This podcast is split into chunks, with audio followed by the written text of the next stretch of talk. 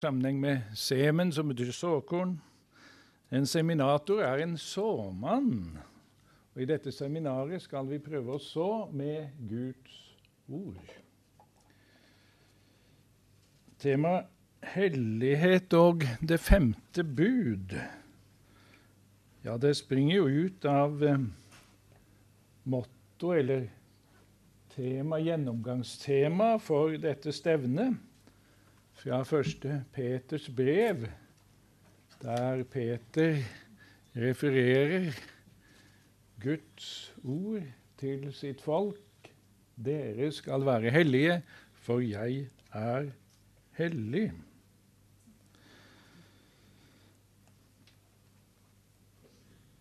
Kirken er de helliges samfunn, eller samfunn av helgener kan vi like gjerne oversette uttrykket i Den augsburgske bekjennelse med.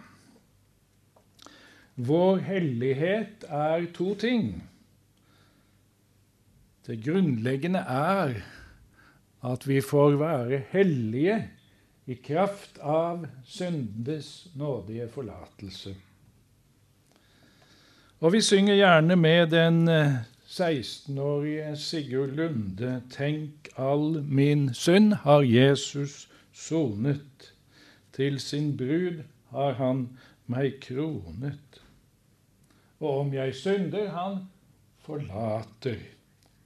For en Gud og for en Fader. Husker dere det salmeverset fra i formiddag?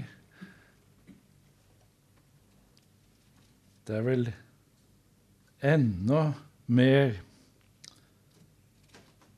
pensjonister enn en 16-åring som må synge dette med undring. Men så har vi også kalt til et hellig liv. Og vi trenger å be med Nikolai Brorson Hjelp meg, o kjæreste Jesus og hjelp meg, jo kjæreste Jesus, å vinne. Gjør du min kristendom renset og ren. La alt hva hedensk er hos meg, forsvinne. Bortta av veien forargelsens sten. Rens i sin grunn hjerte og munn.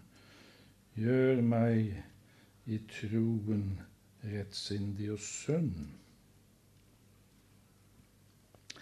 Apostelen Peter viser i 1. Peters brev til det første kapittel som stevnets tema er hentet fra. Viser til prinsipputsagnet i 3. Mosebok 11,44. For jeg er Herren deres Gud, og dere skal hellige dere, og dere skal være hellige, for jeg er hellig. Og i vers 45 for jeg er Herren som førte dere opp fra landet Egypt for å være deres Gud, og dere skal være hellige, for jeg er hellig. Det kommer igjen dette i flere variasjoner i den såkalte hellighetsloven, som teologene liker å kalle kapittel 17 til 26 i Tredje Mosebok. Og vi stanser særskilt ved kapittel 20, vers 26. Dere skal være hellige for meg, for jeg, Herren, er hellig, og jeg har skilt dere ut fra folkene, for at dere skal høre meg til. Som den gamle pakts folk er også den nye pakts folk kalt til hellighet. Sterkt og klart parallelliserer Peter mellom det gamle Israel og den nytestamentlige menighet, som vi ble minnet om i går kveld. Når eh, Apostelen i 1. Peter 2,9 overfører tilsagnet Israel fikk ved paktslutningen i Sinai-ørkenen på den kristne menigheten, en utvalgt ett, et kongelig presteskap, et hellig folk, et folk til eiendom. All tale om hellighet må springe ut av kjennskapet til den hellige Gud. Ingen er hellig som Herren, sier Hanna Samuels mor, 1. Samuel 2,2. Hellig, hellig, hellig er Herren herskarenes Gud, fikk Jesaja høre i tempelet i Jesaja 6, 3. At Gud er hellig, det er et sammenfattende uttrykk for hvordan Gud er. Det er ikke bare ei side ved Gud. I forkynnelsen kan det visst titt og ofte forekomme at Guds hellighet og Guds kjærlighet blir satt opp mot hverandre som lov og evangelium. Men det rette må være å si at Guds hellighet viser seg både i dom og frelse, i straff og velsignelse, og at den hellige Guds vesen er kjærlighet. Fordi han er Gud og hellig, vil han spare Israel og ikke fullbyrde sin brennende vrede. For jeg er Gud og ikke et menneske, den hellige i din midte, sier han i Hosea 11,9. Guds hellighet er hans guddommelighet. Alt Gud er, er han som den hellige. Alt Gud gjør, gjør han i sin hellighet. Fordi Gud er hellig, er han kjærlig, men kan også vredes. Fordi Gud er hellig, er han rettferdig og nidkjær. Det betyr at han viser trofast miskunn, men også at han hjemsøker synd. Den hellige Gud er som ilden som lyser og varmer, men som også kan fortære, brenne opp og ødelegge. Det gjelder å omgås ilden på den rette måten. Det gjelder å omgås Gud på den rette måten.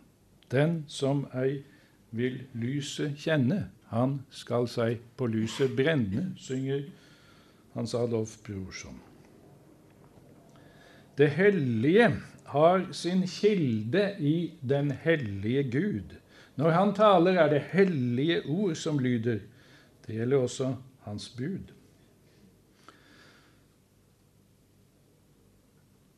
Fordi Gud er hellig, skal vi hellige oss og være hellige.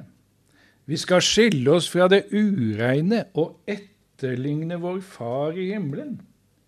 Gud og synden, Gud og det ureine er som ild og vann. Det, ikke, det går overhodet ikke sammen. Og derfor så er vi ikke bare hellige i kraft av syndenes forlatelse, men vi er også programforpliktet på et hellig liv.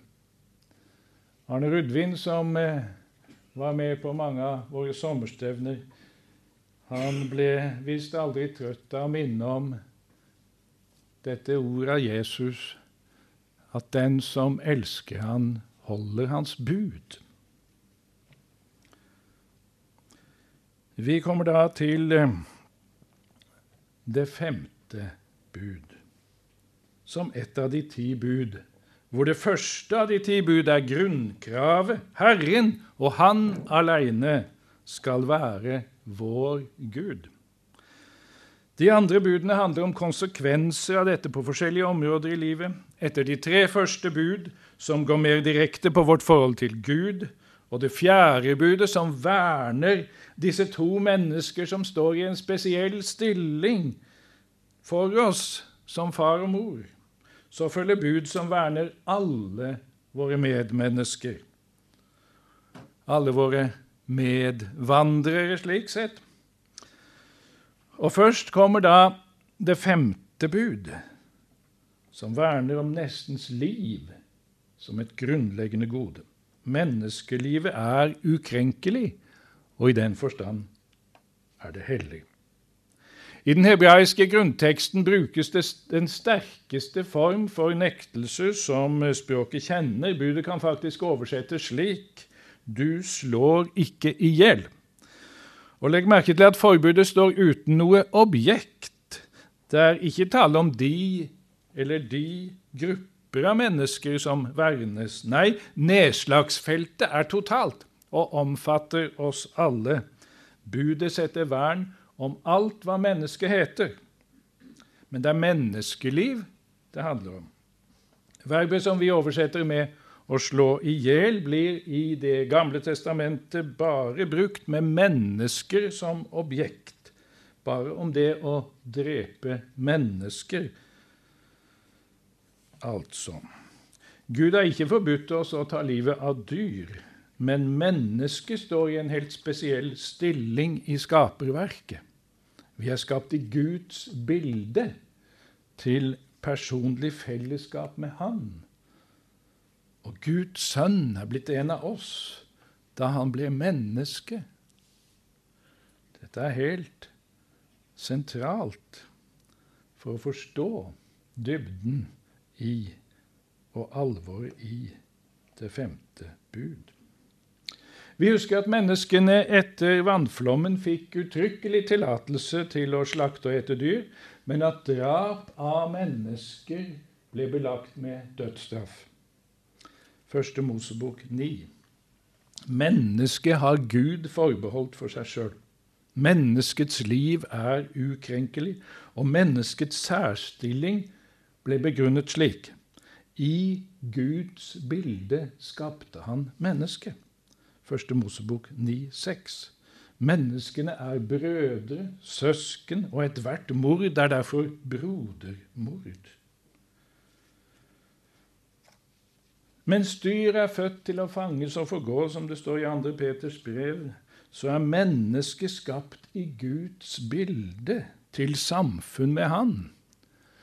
Professor Seierstad sier det slik å synde mot det femte bud er ensbetydende med å bryte inn i det som den guddommelige skaper og forløser har fore med et menneskeliv.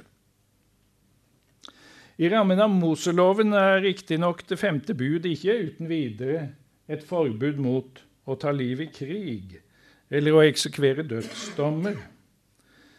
Det var ikke et forbud mot at Israel i gitte situasjoner førte krig eller henrettet eh, folk.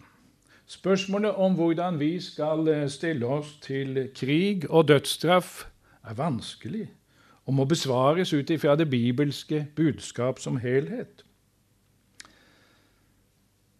Eh, det har vært forskjellige oppfatninger om dette blant kristne, men vi må søke svar ut ifra det bibelske budskap som helhet. Men utenom disse to områdene, der det i Moseloven altså dreier seg om at folket griper inn mot ytre eller indre fiender, så er det klart at det femte bud forbyr alle former for mord, og det på alt som menneske heter. Alle former for drap på alt som menneske heter. Da Gud begynte på nytt med menneskeslekten, så Ja, nå må meg, nå er det litt stokka i manuskriptet mitt. Jeg har vært inne på Første Mosebok 9, eh, da Gud begynte på nytt med menneskeslekten gjennom Noah og hans familie. Eh, blod vanhellige landet, og landet kan ikke få soning for det blod som utøses der, uten ved blodet til den som utøser det, står det i 4. Mosebok 35, 33. Moseloven gjør imidlertid et skille mellom forsettlig og uaktsomt drap. Ved uaktsomt drap skal gjerningsmannen oppholde seg i en av fristadene til ypperstepresten er død. Men vi ser at mord roper på hevn. Mord roper på hevn både her i verden og i evigheten. Din brors blod roper til meg fra jorden, sa Herren til Kain. Jesus taler om at alt det rettferdige blod som er utøst, skal komme over hans motstandere. Utenfor det nye Jerusalem er manndraperne og de andre synderne som ikke er omvendt, hører vi om i Johannes' åpenbaring.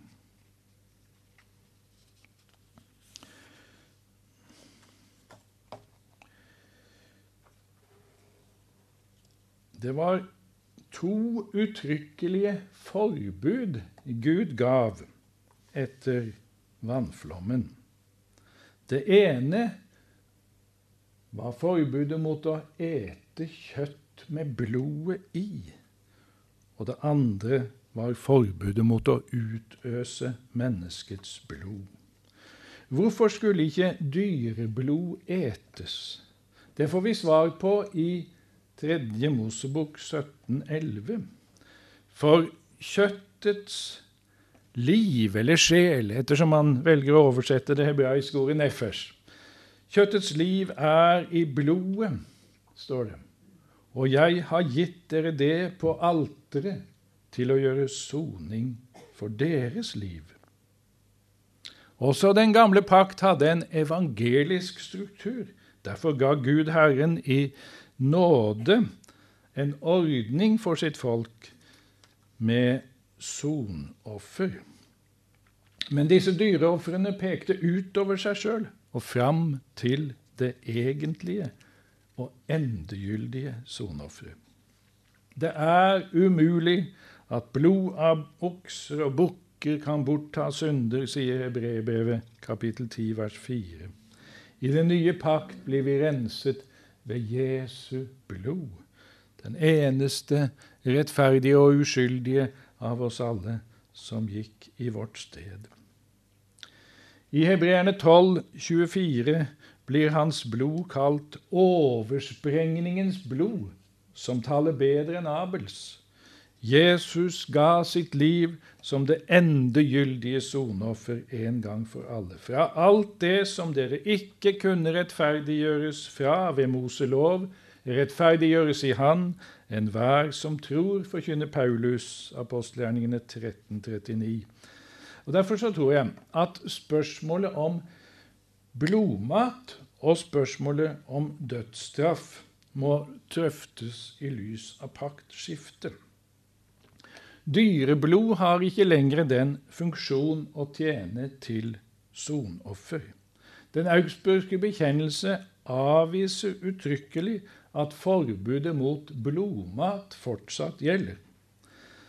Men jeg tenker også at Jesus i behandlingen av kvinnen som ble grepet på fersk gjerning i Hor, Johannes 8, legger et grunnlag for opphevelse av dødsstraffen. Han har sjøl sonet for hele verdens synder. Og det gjelder ikke bare å beskytte samfunnet mot det onde, men det gjelder å vinne syndere for Gud.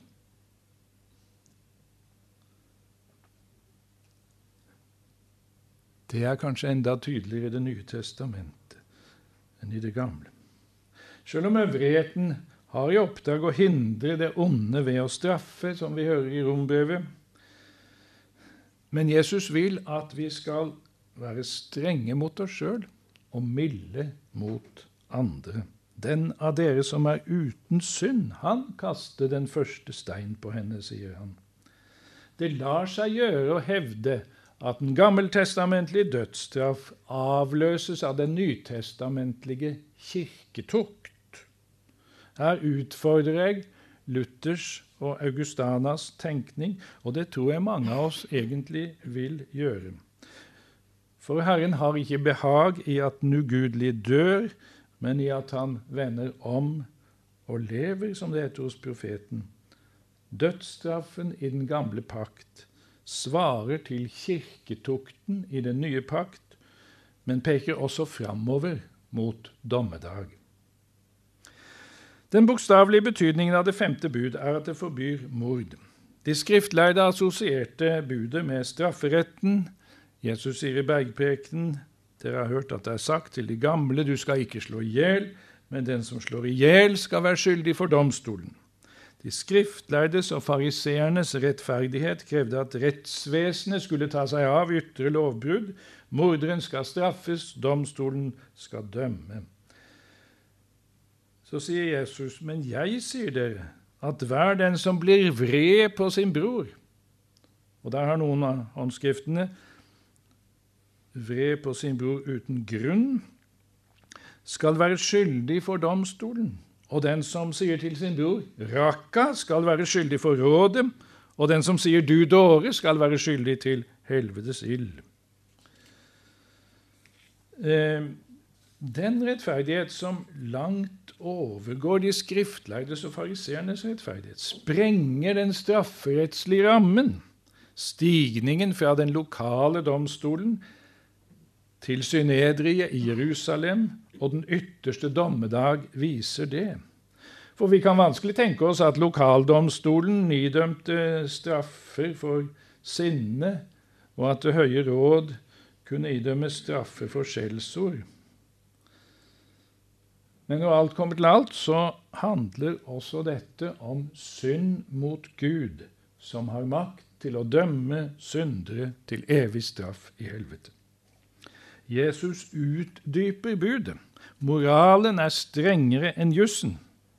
Vi har alltid med Gud å gjøre. Bak mord ligger vrede og ukjærlighet, og forbudet mot å slå i hjel er indirekte også et forbud mot ukjærlighet, bl.a. i tale og, og, og vrede, eller la oss si uberettiget vrede. Det går an å såre og ødelegge med sinnelag og ord. Jesus likestiller altså vrede med mord og lærer at ukjærlig tale er minst like syndig.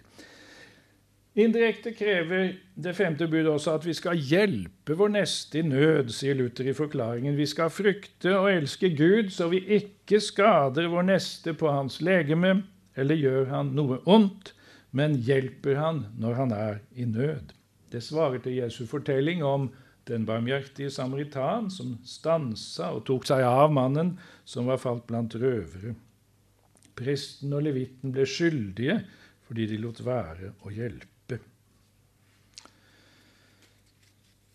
Nå skal vi gå litt tilbake til GT. Molokdyrkelsen er noe av det verste israelittene henfalt til. Brudd på det første og brudd på det femte bud. Sant nok gir forskningen et noe uoversiktlig bilde av hva det egentlig dreier seg om.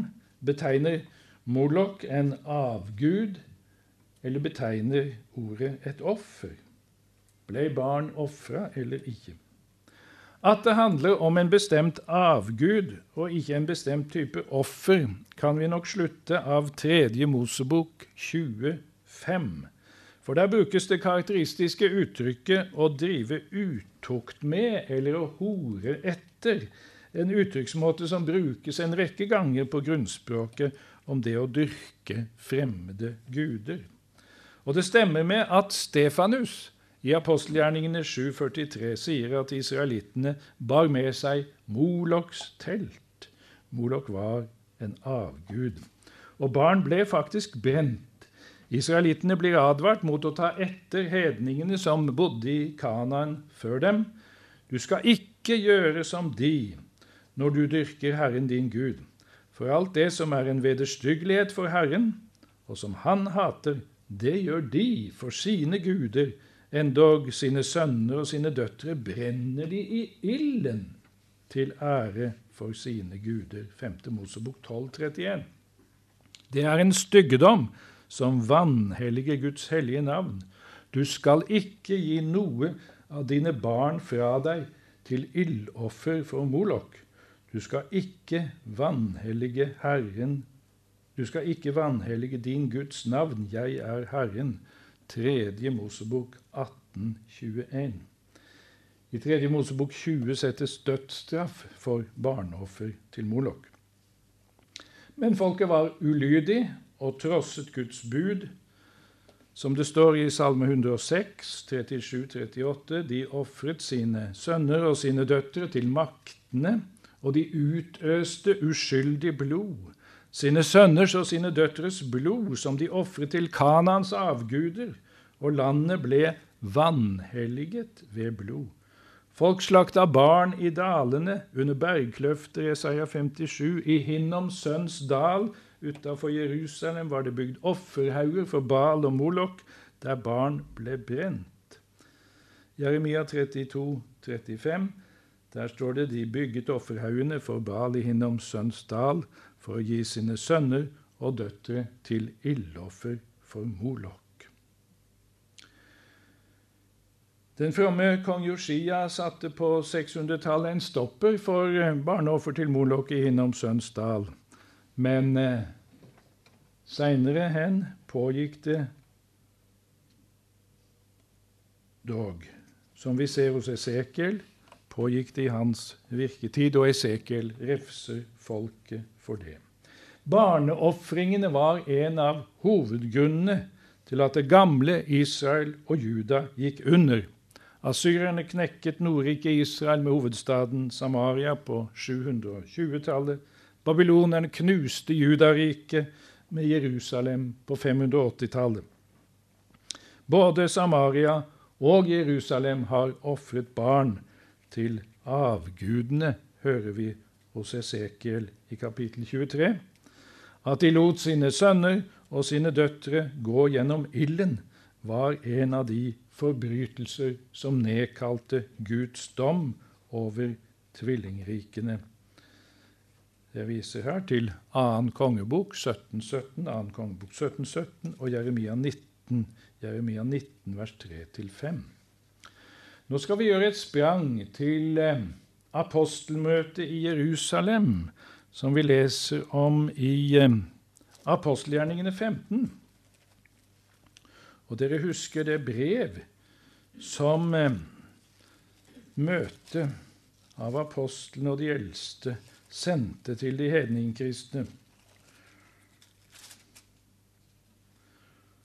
Der står det i vers 28 og 29 at Den hellige ånd og vi, sier de, Den hellige ånd og vi har besluttet ikke å legge noen annen tyngsel på dere enn disse nødvendige ting. At dere avholder dere fra avgudsoffer og blod og det som er kvalt og hor. Dersom dere vokter dere for disse ting, vil det gå dere vel. Lev vel. La oss se på tre tolkninger av de fire forbudene som er nevnt, og som er omtalt allerede i vers 20. Jakob eh, sier at eh, han mener en må skrive til de hedningkristne at de skal avholde seg fra avgudenes urenhet og fra hor, eller utukt, som vi egentlig oversette på med, um, og fra det som er kvalt, og fra blod. Og så kommer dette igjen.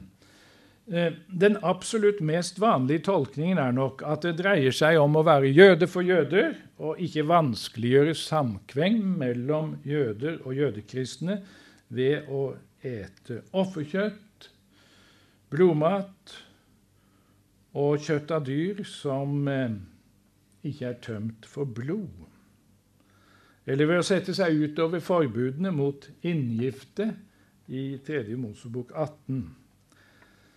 Dette kan oppfattes som fire forbud fra hellighetsloven, fra kapittel 17 og 18 i 3. Mosebok som eh, forbud som der gjelder både for israelittene og for de fremmede.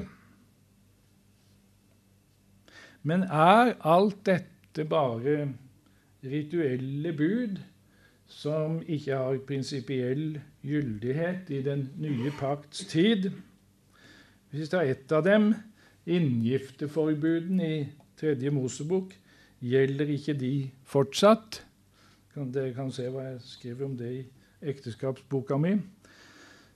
Og hva med dette uttrykket 'det som er kvalt'? Hvis det er tale om kjøtt som ikke er tømt for blod, hvorfor nevnes det særskilt ved sida av forbudet mot blod? Å lese disse fire forbudene ut fra hellighetsloven i tredje Mosebok gir også en annen tolkningsmulighet. Avgudsdyrkelse, blodmat, giftermål med nære slektninger og barnedrap er ting som er forbudt for både israelitter og ikke-israelitter i hellighetsloven. Og så er det et bestemt språklig merke som går igjen i disse forbudene på hebraisk.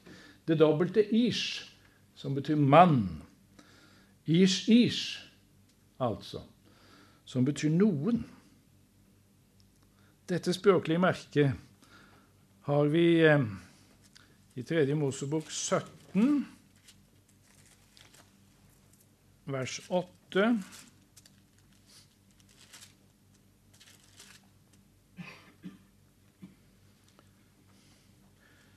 Når noen mann av Israels hus eller av de fremmede som bor iblant dem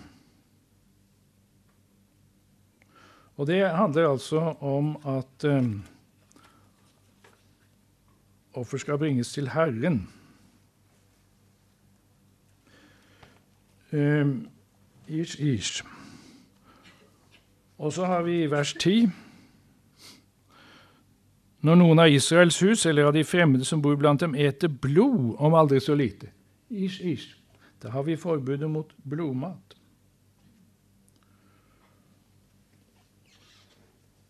Og i vers 13 Når noen av Israels barn eller av de fremmede som bor blant dem, feller et vilt dyr eller en fugl som kan etes, da skal han la blodet renne ut og dekke det til med jord.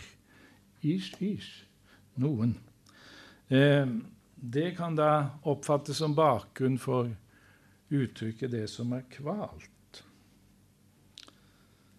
Og så har vi da forbudene mot eh, kjønnslig omgang med nære slektninger i kapittel 18. Og Der er oversatt 'ingen av eder, ingen av dere skal røre ved noen kvinne av sin nære slekt for å ha omgang med henne', i kapittel 18 vers 6. Men der har vi også på altså altså dette 'ish ish'. Ikke noen. Um,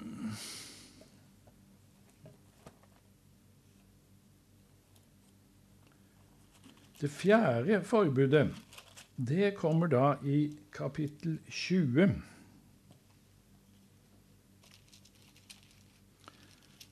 Um, det fjerde, sier jeg. Ja.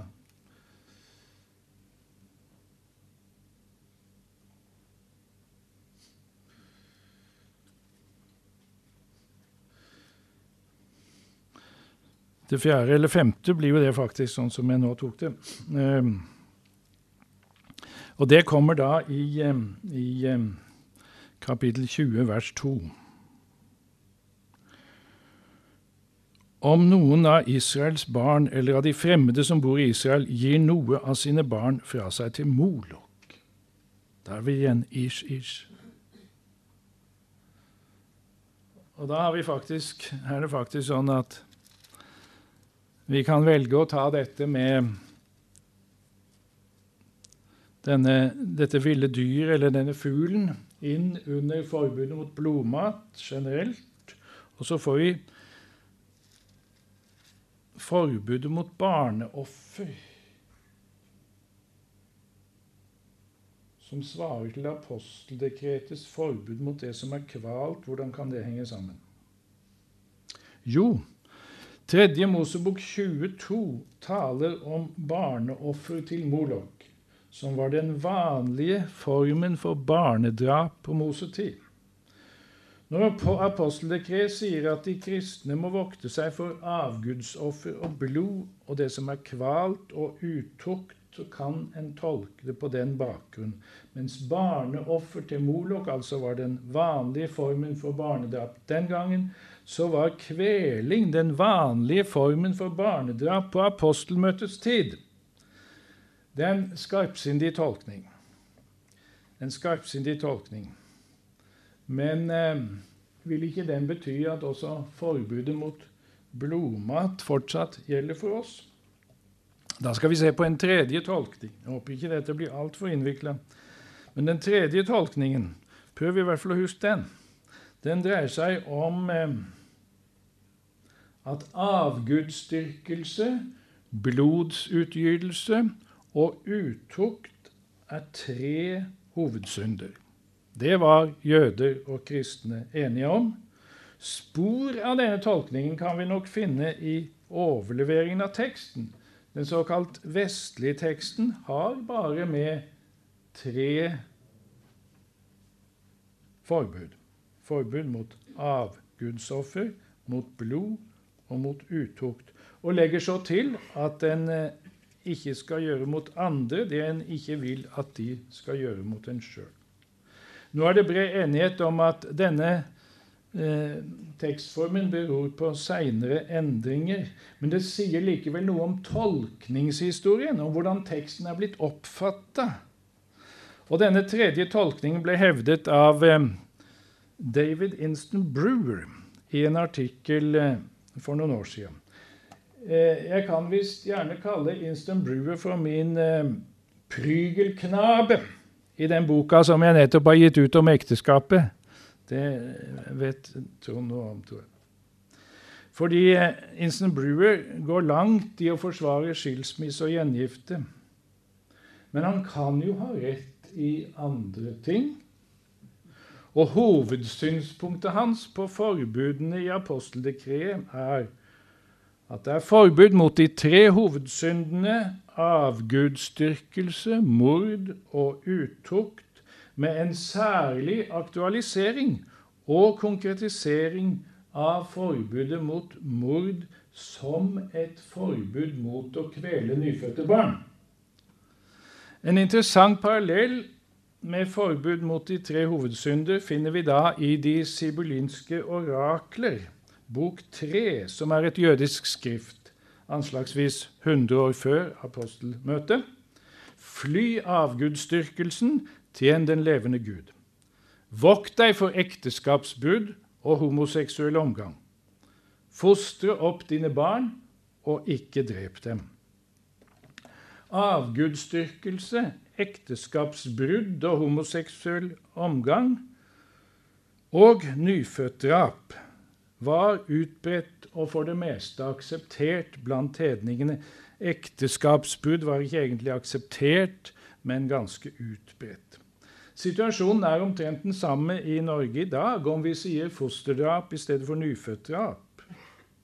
Som hellige må kristne mennesker vokte seg for disse ting. Det gir god mening å tenke at dersom nyfødtdrap både var sosialt akseptert og den vanligste form for mord blant hedninger, så måtte apostlene og eldstebrødrene innskjerpe at slikt var forbudt. Det er kjent at rabbinerne kunne framheve et lovbrudd som kanskje ikke var så erkjent, ved å stille det sammen med de tre hovedsyndene avgudsdyrkelse, mord og utukt. Det samme kan være gjort i aposteldekret. Hos profeten Amos i kapittel 1 og 2 dømmer Herren folk etter folk for tre misgjerninger, ja, for fire, som det står i alle de åtte domsorda i Amos 1-2. Men oftest framheves bare én misgjerning i domsordet, i det enkelte domsord. På lignende måte så kan vi lese forbudene i aposteldekreet som advarsel mot tre synder, ja, mot fire, slik at forbudet mot det som er kvalt, blir på en noe overraskende kanskje måte framhevet som noe som de hedningekristne må gjøres særskilt oppmerksomme på. Jeg kan ikke følge Inston Brewers hypotese om at den skriftlige versjonen i brevet bevisst er formulert tvetydig for ikke å vekke anstøt eh, hos fariseere som hadde tatt ved troen, det syns jeg tvert imot er en anstøtelig hypotese.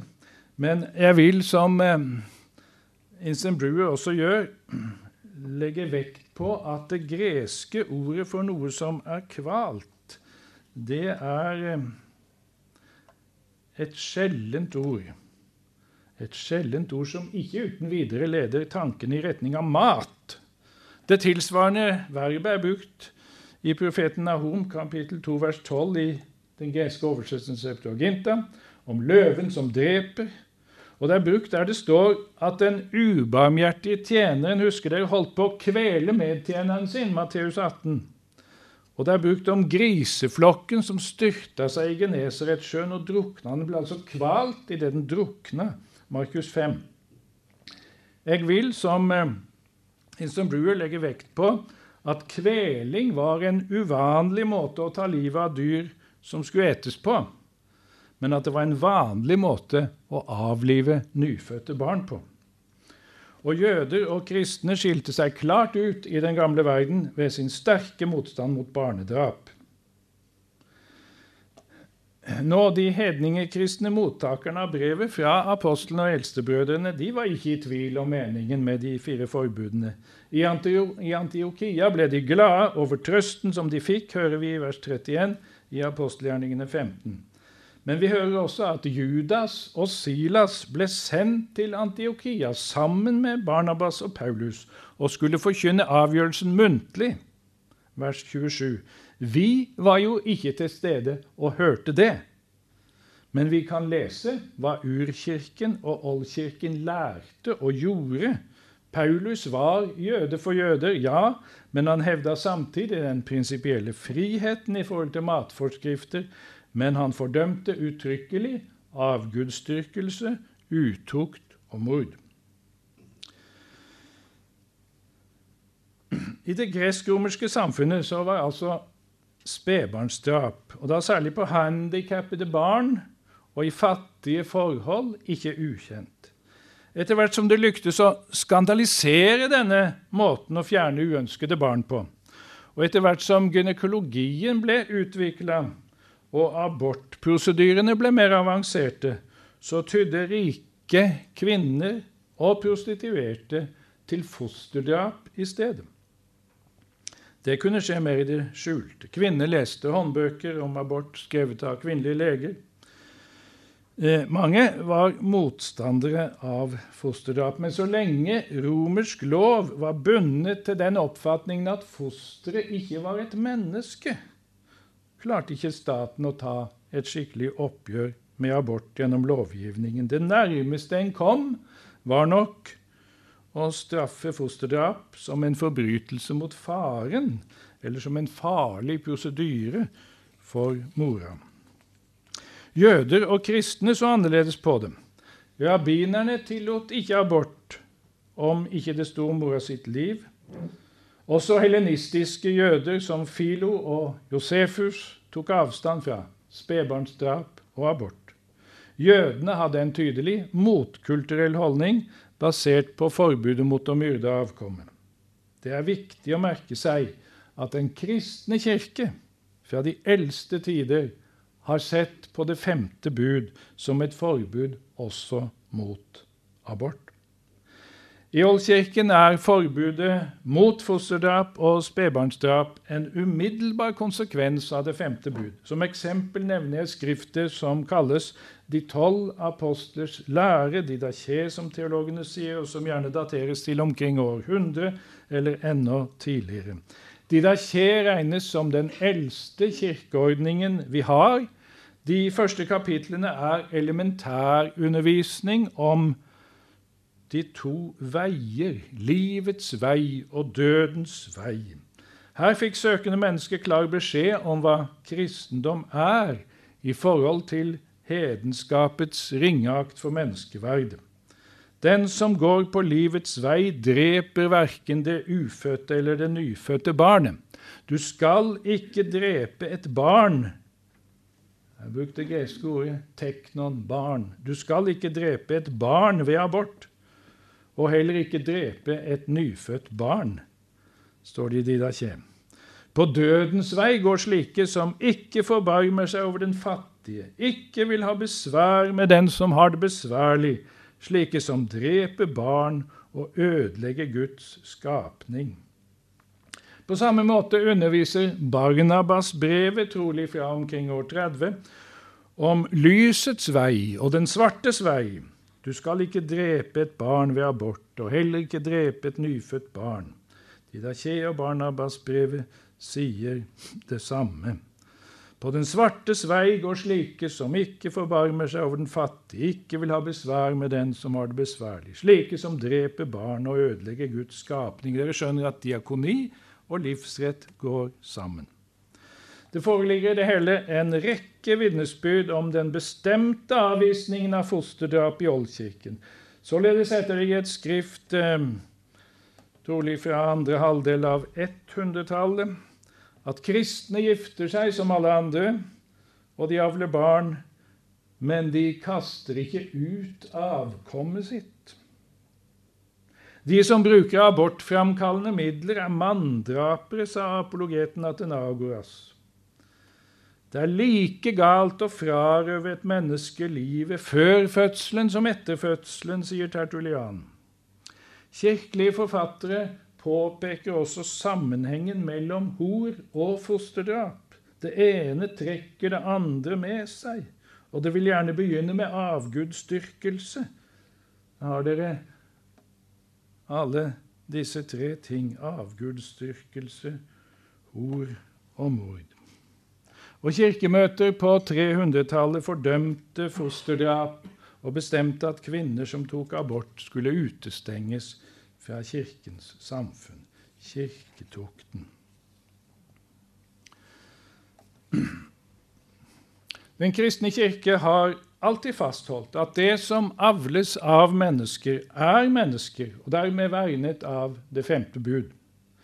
Når sædcelle og eggcelle blir ett, er tredje person der. Livet begynner ved befruktningen. Den romersk-katolske kirke taler på kristenhetens vegne når den sier menneskelivet må helt og fullt aktes og forsvares helt fra unnfangelsesøyeblikket av. Den katolske kirkes katekisme. Menneskeverdet er absolutt og uanfektbart uansett på hvilket stadium av livets utvikling mennesket befinner seg. Som Den norske kirkes bispemøte uttalte i 1998. Og som kirkegjengere kjenner vi bønnen, bønnen om vilje til eller hjelp til å verne om menneskets verd fra livets begynnelse til livets slutt. Stadig nye livsrettrelaterte saker melder seg. Men de gamle problemene kan ikke derfor glemmes. Abortinngrep, spiraler, hormonelle prevensjonsmidler, prøverørsbefruktning tar titusener ufødte medmenneskers liv. Gi meg et fast punkt, og jeg skal flytte jorda, skal Arkimedes ha sagt. Det faste punktet i møte med de mange variable problemstillingene rundt det ufødte menneskeliv er dette du skal ikke slå i hjel. Det femte bud setter vern om alt hva mennesket heter. Men hvem er mennesker? Vi trenger ett fast punkt til.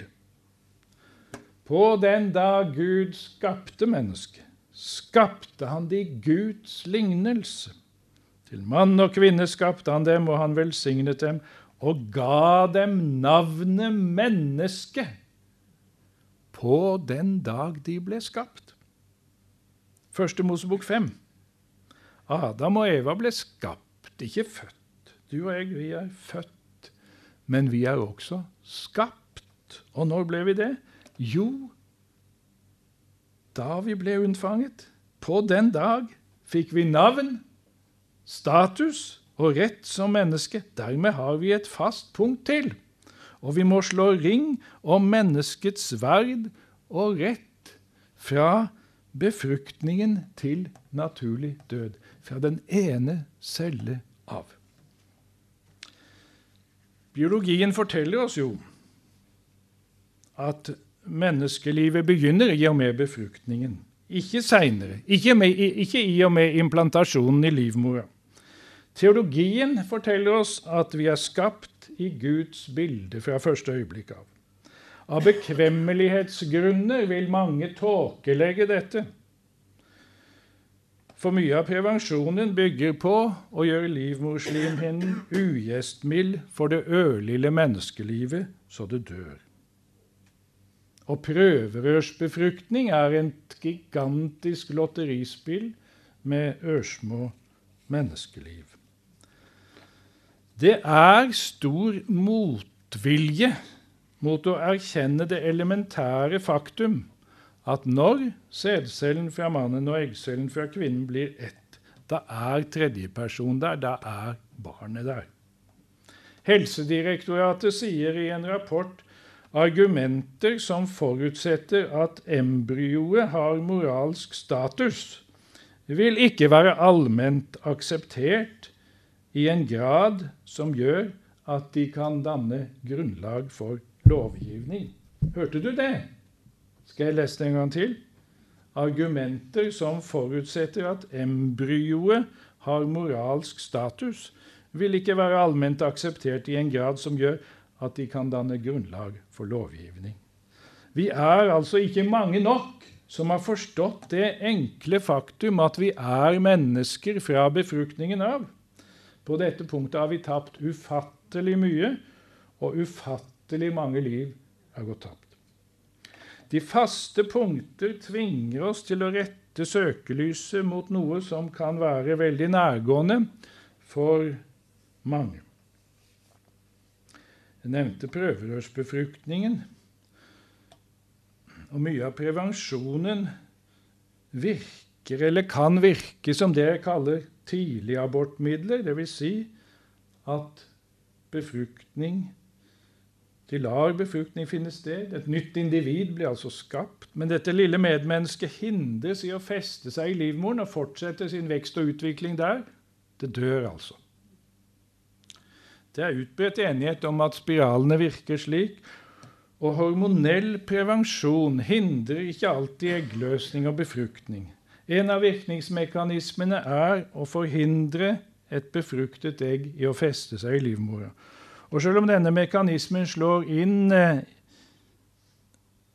om vi så skal si i varierende grad ved ulike midler osv., så, så kan en aldri se bort fra den. Midlene har derfor en abortiv effekt, for hva er et befruktet egg? Når det er befruktet, er det ikke lenger et egg. Det er et nytt menneske. Det er nok langt flere som dør av prevensjonsmidler, kanskje ei uke gamle, enn de 15 000-16 000 eldre fostre i abortstatistikken. Og det er uforståelig at uh, KrF-politikere kan ivre for slike ting.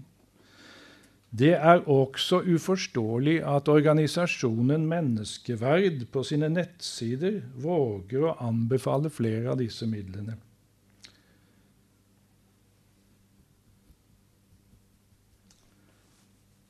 Kyrie eleison.